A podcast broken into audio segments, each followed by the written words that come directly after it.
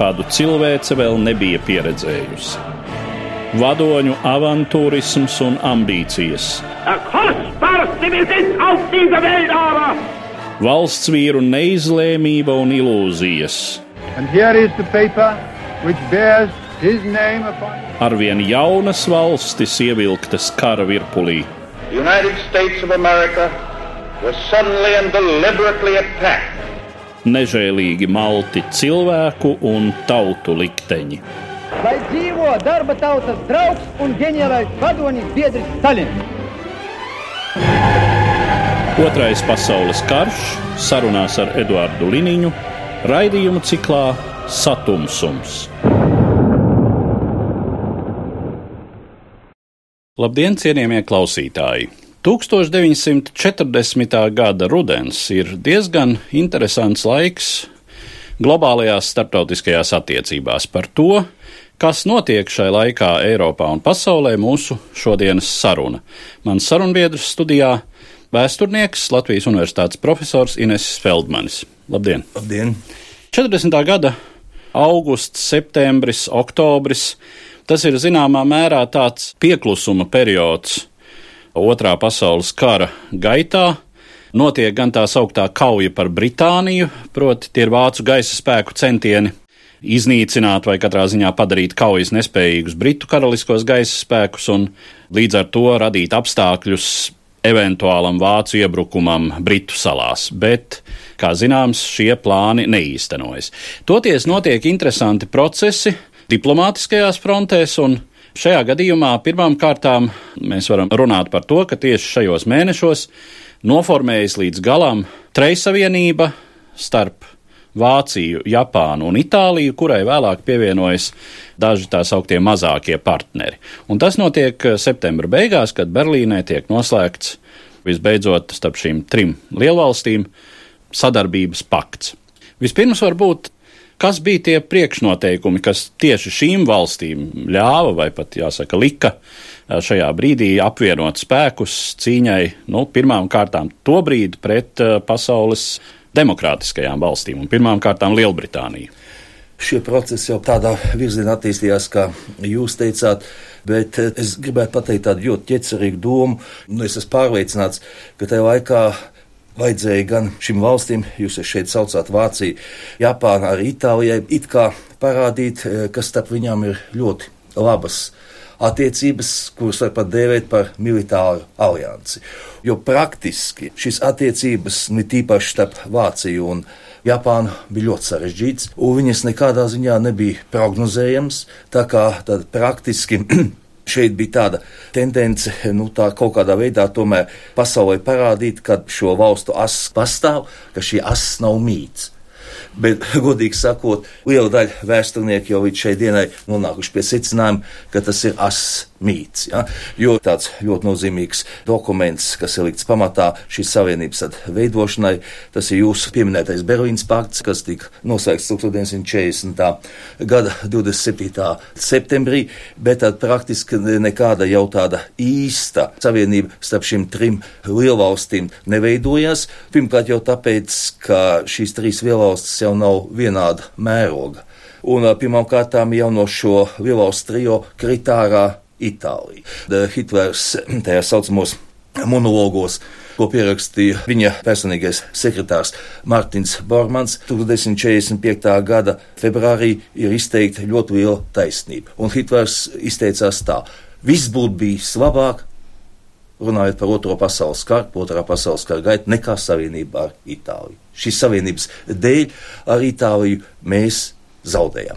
Līdzīgas domas savos memoāros, sēžot jau Nirnbergas cietumā, eh, nu, tiesas parāvas laikā un arī gaidot jau nāvis sodu izpildi, ir izteicis savos memoāros arī Vācijas ārlietu ministrs Joachims von Ribbentrops. Ribbentrops bija tas, kas ļoti iestājās par to, lai starp Japānu un Vācija tiešām izveidotos īsta militāra savienība. Nevis savienība uz papīra, kam nav absolūti nekādas nozīmes, jo nekādi militāri strateģiskie plāni saskaņot nekad starp Japānu un Vāciju netika. Ja? Un uh, viņš savos memoāros atļaušos arī varbūt nocitēt, teicis, ka praktiski Vācijai nekad nav izdevies panākt, vai Japāna nostātos ar pilnu sirdi Vācijas pusē, un viņš ar nožēlu savos memoāros konstatēja, ka Tokijas nevēlēšanās koncentrēt spēkus pret vienu ienaidnieku, proti pret Padomju Savienību, veicināja nevien Vācijas, bet arī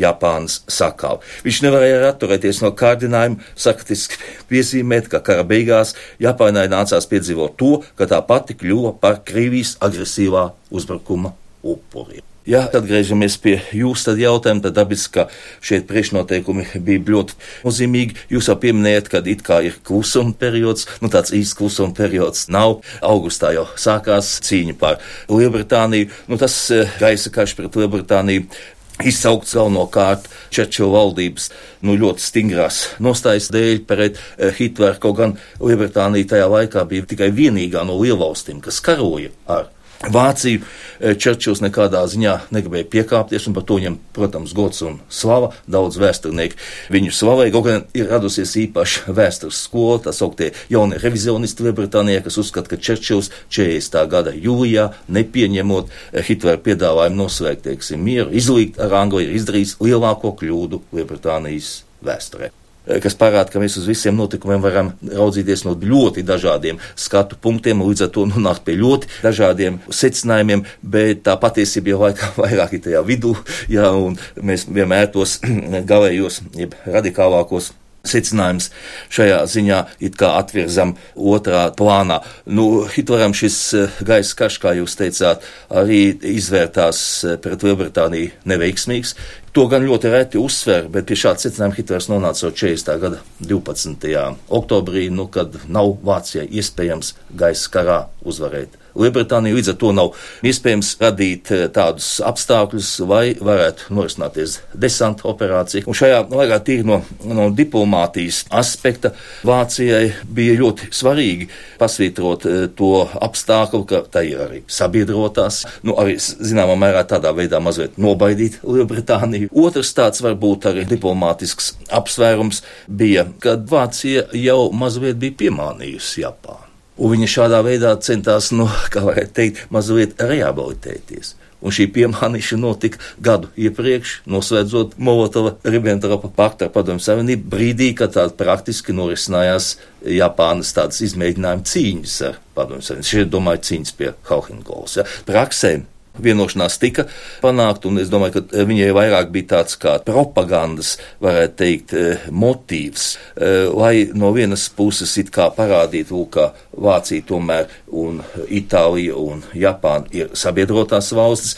Šo valstu propaganda attēloja šo nosvēgto 40. gada 27. septembra vienošanos par militāru savienību, kaut gan tur tālu no militārās savienības, un tādā veidā viņi arī gribēja, kā saka, mazliet eh, vērsties pret tādu iespēju, ka karš var paplašināties. Tajā laikā Amerikas valstis nav karā iesaistījušās, un viena no galvenām problēmām Tad, kad Hitlers nevarēja izlīgt ar Lielbritāniju, bija lūk, kādā veidā tomēr mazliet pabaidīt Lielbritāniju un kā atturēt Lielbritāniju no viņas spēka pieauguma caur sabiedrotajiem. Ja? Un pats reālākais Lielbritānijas sabiedrotais tajā laikā neapšaubām bija Amerikas Savienotās valsts, kaut gan Lielbritānijas diplomātija jau tad arī jau izvērsta cīņu par padomu savienību, ja? bet, nu, kā reālākais bija Amerikas Savienotās valsts un arī pats tāds, kas varēja vislielāko palīdzību sniegt, un tāpēc arī šis Hitlera gājiens noslēdzot šo Berlīnas paktu 40. gada 27. septembrī, bija virzīts uz to, lai atturētu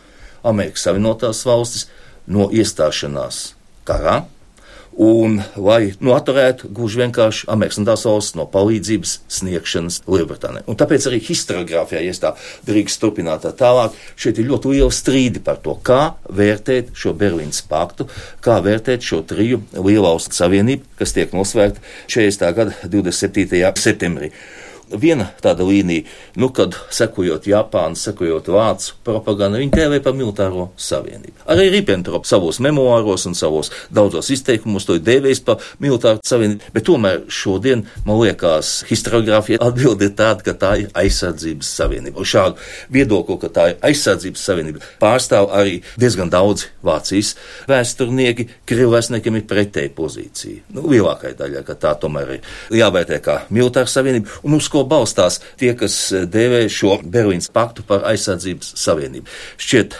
Berlīnas pakta Trešajā pantā teikts, ka šīs valstis, kas svēt šo paktu, sniegs vienotrai militāru palīdzību tādā gadījumā, ja kāda no šīm valstīm kļūs par tādas lielvalsts uzbrukuma objektu, kura nav iesaistīta ne Eiropas karā, ne arī Japāņu, ķīniešu karā, toreiz, kas jau risinās. Un tas ir pilnīgi skaidrs, kaut gan vārdā tā lielvalsts nav minēta, ka tā ir Amerikas Savienotās valstis. Tad, respektīvi, šī pakta būtība ir virzīta uz to, lai atturētu Amerikas Savienotās valstis no iestāšanās Otrajā pasaules karā. Vēlāk ir ļoti interesants vēstures mīkls šajā sakarā rodās ar triju lielvalstu paktu. Un viena no šīm mīklām kur es domāju, pašreiz varbūt historiografija var uzstīt jau par atrisinātu, vai kaut gan tur izteikti kādi 5, 6 viedokļi.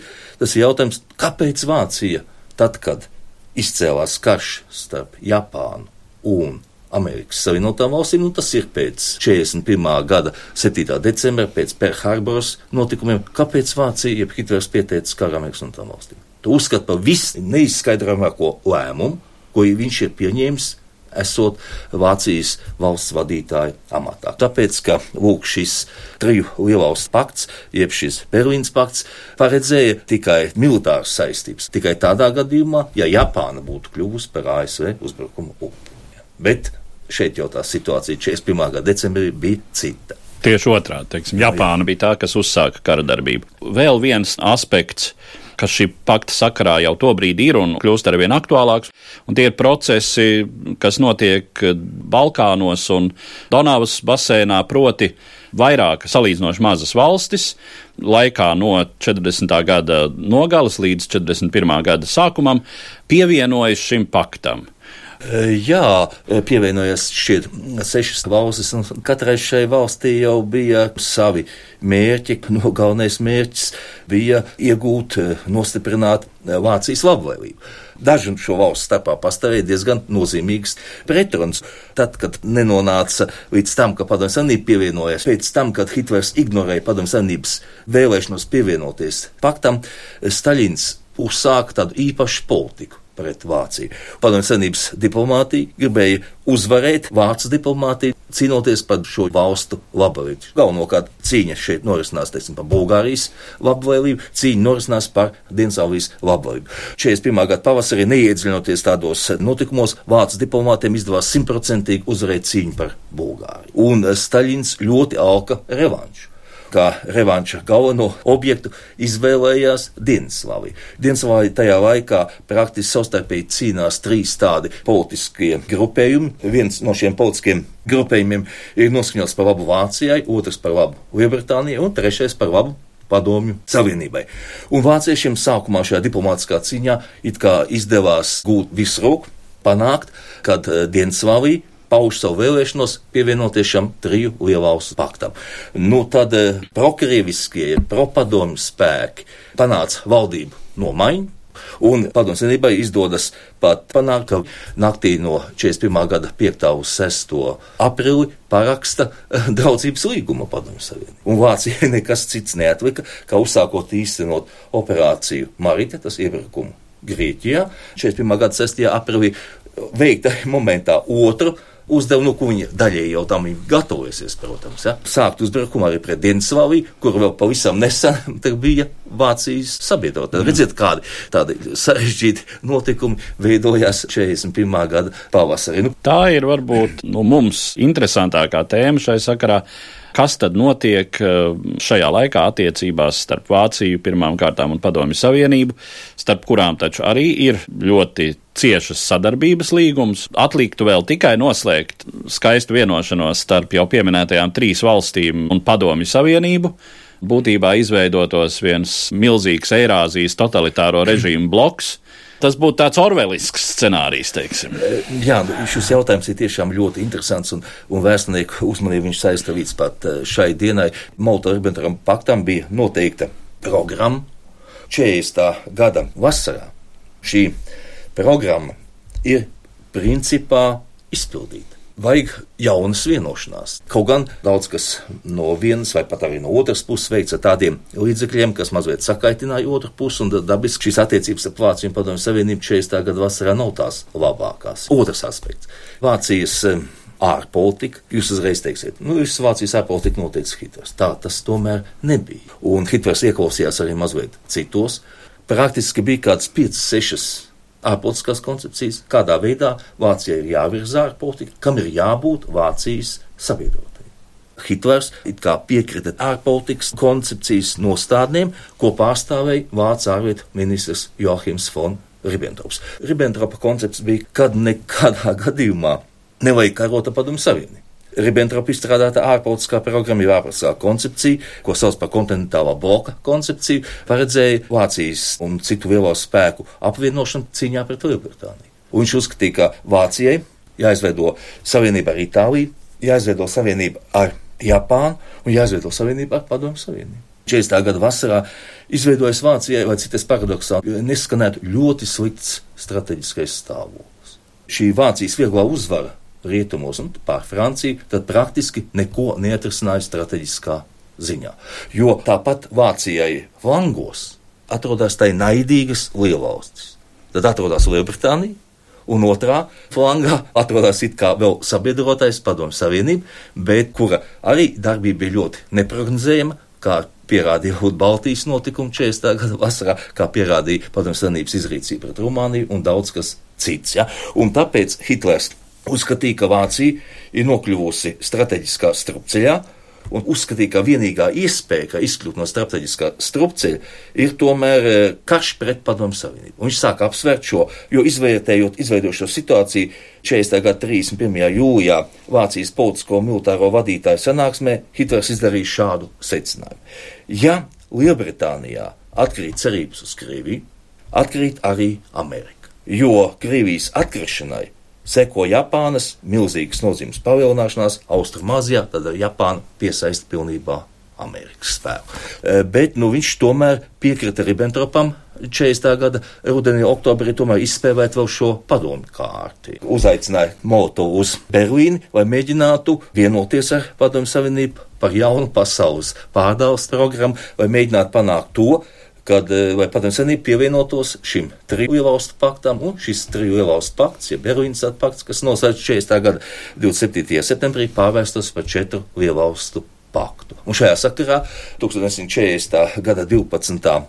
novembrī Berlīnē ierodas eh, padomju ārlietu tautas komisārs Jačsels Molotovs. Viņš ved sarunas gan ar Vācijas ārlietu ministru Ribbentropu, gan ar pašu Hitleru. Un šīs sarunas viss ir, e, teiksim, virzītas tādā garā, uz kādiem noteikumiem Padomju Savienība būtu ar mieru pievienoties triju lielvalstu paktam. E, Molotovs uzreiz, tas ir pretēji šodienas Krievu historiografijā pārstāvētām viedoklim, Molotovs saka, ka Padomju Savienība ir ar mieru pievienoties skaidrs, ka Molotovs neizslēdz iespēju, ka Padomju Savienība pat uh, it kā ļoti pozitīvi izturas pret iespēju, ka Padomju Savienība varētu pievienoties triju uh, lielvalstu paktam. Uh, viņa vienīgais iebildums ir tad, ja šajā paktā Padomju Savienība darbojas kā noteikts subjekts, bet nu, nevis kā viņš paredzēts kā objekts, bet ja viņi var darboties kā līdztiesīga, līdztiesīga ja, visām trim iepriekš minētajām valstīm, tad viņi ir ar Eh, mieru eh, šo paktu parakstīt un pievienoties. Bet padomju senības prasības ir eh, nu, šausmīgi, šausmīgi lielas. Hitlers tad, kad praktiski pāris dienas pirms savas pašnāvības vēl atcerējās, kā viņu sakaitinājusi esot šī Molotova jeb restīvi Maskavas alkatība, nu, pieprasot praktiski visas tās valsts, uz kuru pretendēja Vācija. Ko tas Vācijai nozīmē? Vācija tas nozīmē, ka eh, Padomju Savienība, ja Staļins varētu lemt, ļaut Vācijai karot, jeb neļaut Vācijai karot. Pirmkārt, Molotovs prasīja, lai Vācija atļautu Padomju Savienībai otrais sagraut Somiju. Nu, mēs zinām, ka padomju Somu kara laikā, kas norisinājās no 39. gada 3. novembra līdz 40. gada 13. martam, faktiski no to padomju senībai neizdevās pilnībā realizēt, bet šī pirmā tāda prasība Vācija nostādīja Hitleru Ribbentropu nostādīt kā diezgan neētā situācijā, jo savā laikā 39. gada 23. augustā noslēdzot Molto-Ribbentropu paktu, par to runājam, tad Vācija jau bija atzinusi to, ka Somija ietilpst padomju interešu sfērā. Nu, padomju savienība uz šo momentu varēja spiest. Nu, Hitlers eh, sarunās ar Molto teica, ka Vācija vairs eh, nevar atļauties otrreiz eh, atļaut padomju senībai sagraut Somiju, jo tajā pirmā padomju Somu karā Vācu valdība esot nonākusi pilnīgā konfliktā ar vācu sabiedrību, kas aizstāvēja neapšaubām Somiju, jo Somijā bija ļoti Vācijas ietekme, jā, eh, jo praktiski Somija jau uzskatīja vāciešus, nu, kā saka, par lielvalsti, kas eh, viņiem ir ļoti, ļoti, eh, teiksim, draudzīga jau kopš 18 gada. Tagad it kā Vācija to vairs nevar atļauties, bet e, svarīgākais jau bija cits šajā gadījumā, proti 40. gada pašā rudens sākumā, nu es šeit domāju septembrī, Vācija bija noslēgusi vairākas vienošanās ar Somiju. Tā skaitā vienošanos par ekonomiskām lietām, par niķeļu, par koku materiālu piegādi, tā skaitā arī vienošanos par politiskām lietām, jo šajā laikā jau Vācija bija okupējusi Norvēģiju, ja, un viņai vai bija vajadzīga Somija, Somijas teritorija, kā zināmā mērā, vai tāda tranzīta vieta, vai varētu nu, karavīri no Norvēģijas vācu karavīri braukt atvaļinājumā uz, uz Vāciju un varētu arī sūtīt eh, caur uh, Somiju nu, nomaiņu. Kas Kā, ļoti nepatika Padomju Savienībai. Ne, ļoti nepatika, jā. Trešais galvenais apsvērums, kāpēc Hitlers negribēja pieļaut Padomju Savienībai otrais sagraut Somiju, bija tādas ļoti lielas aizdomas. Nu, tajā laikā jau gan prese par tām daudz rakstīja, Eiropas prese, ka Padomu Savienības tie tālajošie strateģiskie plāni, kurus mēs bieži saucam par lielajiem plāniem, ja, paredzēja, ka Somija būs, zinām, tranzīta teritorija, kur varēs izvērst karu pret Zviedriju. Un karš pret Zviedriju Vācijai ļoti neizdevīgs, jo Vācija gribēja saņemt mierīgā ceļā šīs um, Zviedrijas dzelzrūdu, nu, kas ir no Kirons atradnēs iegūta, ja, un viņa bija izlēmusi, ka uh, viņai pašai nav vērts, uh, teiksim, okupēt Zviedriju, jo Zviedri var paspēt šīs atradnes uzspridzināt un tā tālāk, ja, bet, nu, tā kā tā dzelzrūda ļoti vajadzīga, nolēma to, ka Vācijai ir ļoti izdevīgi, ka Zviedrija saglabā, teiksim, neatkarību un ir neitrāla valsts. Ja? Tagad viņi baidījās, ka padomju savienība te var iejaukties, jo vācieši visvairāk bija uztraucis tas moments, ka manis pieminētā 1940. gada 13. martā noslēgtais mierlīgums starp padomju savienību un Somiju paredzēja, ka Somiem bija jābūvē dzelzceļa līnija no padomju robežas uz Zviedrijas robežu. Molotovs tad prasīja arī vēl kaut ko no Rumānijas. No Rumānijas padomju bija iegūsta Besarābija, bija iegūsta Ziemeļbukovina. Tagad prasīja Dienvidu Bukovinu, kas arī nekad nav bijusi Krievijas impērijas sastāvā, un uh, Vācija to nevarēja atļauties. Atdot ne jau tāpēc, ka tā jau bija noslēgusi šo garantijas līgumu Rumānija, bet arī tāpēc, ka tad um, Krievi pietuvotos Poeštī naftas rajoniem, Un mēs zinām, ka Plošķī naftas rajonos iegūtā nafta bija eh, galvenais kara vešanas avots Vācijai. To sauc par kara vešanas avotu numur viens. Jo bez rumāņu naftas viņi vispār karot nevarēja. Vācija nokļūtu tādā padomjas aizbildniecībā, un padomjas jebkurā momentā varēja nogriezt šo kara vešanas avotu numur viens. Baltijas jūras skatījās kara vešanas avots numur divi. Jā, tas var interesanti būtu atzīmēt. Padomjas arī izvirzīja pretenzijas uz pilnīgu Bulgārijas pakļaušanu, lai Vācija atļauj darīt ar Bulgāriju, ko Vācija atļauj gadu atpakaļ darīt ar Baltijas valstīm, un proti uzspiest Bulgārijai savstarpējas palīdzības līgumu. Padomju Savienība prasīja, lai atļautu izveidot Vācija kara bāzes pie Bosforiem, Bosfora un Dardaneļu jūras šaurumu. Ja, tā restīvi pretendēja arī uz ietekmi Turcijā, Grieķijā un tā tālāk. Ja. Un vēl kas arī Hitlers nu galīgi nesparat šo Moltovu izvirzīto prasību, ka padomju savienībai un Vācijai kopā ir jākontrolē izēja no Baltijas jūras uz rietumiem. Ko Vācija šo prasību vietā piedāvāja padomju savienībai. Nu, mums varbūt ir jāatgriežas pie tā, kas jau principā bija panākts e, triju ievalstu paktā. Pakts jau principā bija noteicis Vācijas, Itālijas un Japānas ietekmes sfēras pasaulē. Vācijas ietekmes zona ir Eiropa, nu tā vispārīgi runājot, un bija paredzēta Centrālā Āfrika, bijušās Vācijas kolonijas, ja, tā kā mm -hmm. to Vācija grib atdot. Itālijai ir paredzēts vidusjūras basēns, mazliet Balkānu un Ziemeļu Āfrika. Un Japānai bija paredzēta galvenā ietekmes sfēra eh, visa Austrum Āzija. Un Padomu Savienībai šajās sarunās Ribbentrops un Hitlers piedāvā, ka tās ietekmes sfērai vajadzētu būt eh, virzītai uz dienvidiem no Padomu Savienības robežām Indijas okeāna virzienā atgriezies Maskavā. Molotovs informēja Staļinu, šeit padomju ārpolitiskā vadība pieņēma lēmumu arī rakstiskā formā izteikt savas prasības, uz kuru izpildes pamata padomju savienība pievienosies triju lielvalstu paktam, un šajā sakarā radās ļoti interesants dokuments. Un šajā gadījumā runa ir par 1940. gada 20. 25. novembra memorandu. Šajā 25. novembra memorandā Padomju Savienības ekspansijas programma ir mazliet sašaurināta. Šajā padomju memorandā ir tieši rakstīts, es šeit citēju, zona uz dienvidiem no Batumi un Baku virzienā uz Persijas jūras līci tiek atzīta par Padomju Savienības teritoriālo tieksmju centru. Tad redzam, ka Padomju Savienība bez Eiropas tēmēja arī uz šo reģionu un tur ļoti bagātajiem naftas laukiem. Memorandā paliek prasība par atļauju otrais sagraut Somiju, paliek prasība arī par Bulgāriju, nu mazliet samazināts ir citas prasības. 25. novembra memorands diplomātijā tas ir zināms kurjos, ja? gan no Padomu Savienības, ka tik atklāti izsaka savas teritoriālās tieksmes, kurjos no cita aspekta, un proti Berlīna neatbildēja šo memorandu. Hitlers nolēma uz šo memorandu neatbildēt. Viņš uzsvēra, ka šīs sarunas ar Molotovu e, Berlīnē, viņi ir galīgi pārliecinājuši, ka ar padomu savienību nav iespējams ne par ko vienoties. 40. gada 18. decembrī Hitlers paraksta direktīvu numur 21, jeb restīvi plānu Barbaros. Tāda apkopojoša vēstures literatūra vienmēr uzsver to, ka šis plāns Barbaros tiek apstiprināts 40. gada 18. decembrī, un ka tas jau ir tāds lēmums galīgs un negrozāms. Tā tas nav. Plāns Barbaros bija paredzēts nevis kā nu, katrā gadījumā realizējams pasākums, bet Vācu armijai bija jābūt gatavai realizēt šo pasākumu, bet ir paredzēts kā varbūtība.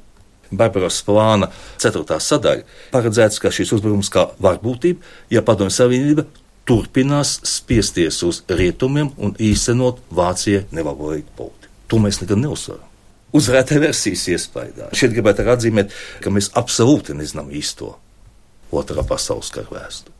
Varētu arī pievērsties vērtējumam, kāds literatūrā ir dots Moto vizītei Berlīnē šim 25. novembra memorandam. Rietumu literatūrā tad ir trīs tādi galvenie virzieni. Viena vēsturnieka šīs Molotova prasības uzskata, ka tā ir ļoti liela padomju savienības diplomātiskā kļūda. Jo Molotovs šajās sarunās ar Hitleru un Ribbentropu ir atklājis īstos padomju savienības ārpolitiskos plānus. Otrs viedoklis, ka padomju savienība šeit ir apzināti izvirzījusi tik plašu šo ekspansijas programmu, jo cerējusi, ka vēlāk notiks kauvēšanās notiks sarunas, nu, kur rezultātā varēs mazliet piekāpties. Trešais viedoklis, ka šīs prasības ir domāts kā atklāts izaicinājums Vācijai Hitleram uz karu. Ļoti dažādi tiek vērtēts arī šis novembra memorands. Mums vajadzētu jaunu sarunu vai izstāstīt par to, kā mēģina tur visādi lavierēt šodien Krievijas vēsturnieku un kaut kā attaisnot eh, Krievijas politiku. Ļoti interesanti vērtējumi ir izteicis Krievu vēstnieks Vladimirs Volkos. Viņš vērtē memorandu kā tādu pasākumu, caur kuru padomju diktors Josefs Staļins ir piedāvājis vārds nacistu līderim Adolfam Hitleram uzvaru Otrajā pasaules karā. Jo pat gadījumā, ja karš ieilgtu, četru lielvalstu pakta noslēgšana neapšaubām mainītu spēku samēru par labu šīm visam līgumslēdzēju pusēm. Pat Staļina meita Svetlana Alelujeva savos memoāros šķiet atceras, ka Staļins pat vēl 45. gadā esot teicis, vai kāpēc neizdevās tik laba sadarbība ar Vāciju, ar Vāciju mēs valdītu pa visu pasauli. Par to, kā turpinājās padomi un vācu attiecības un vispār norises Otrajā pasaules karā mums būs vēl neviena saruna raidījuma ciklā satumsums, bet šodien es noslēdzu šo sarunu, kas bija veltīta attiecībām starp tās augtajām asas valstīm un Padomju Savienību 40. gada nogalē, 41. gada sākumā, un saku paldies manam sarunas biedram, Latvijas Universitātes profesoram Inesim Feldmanim.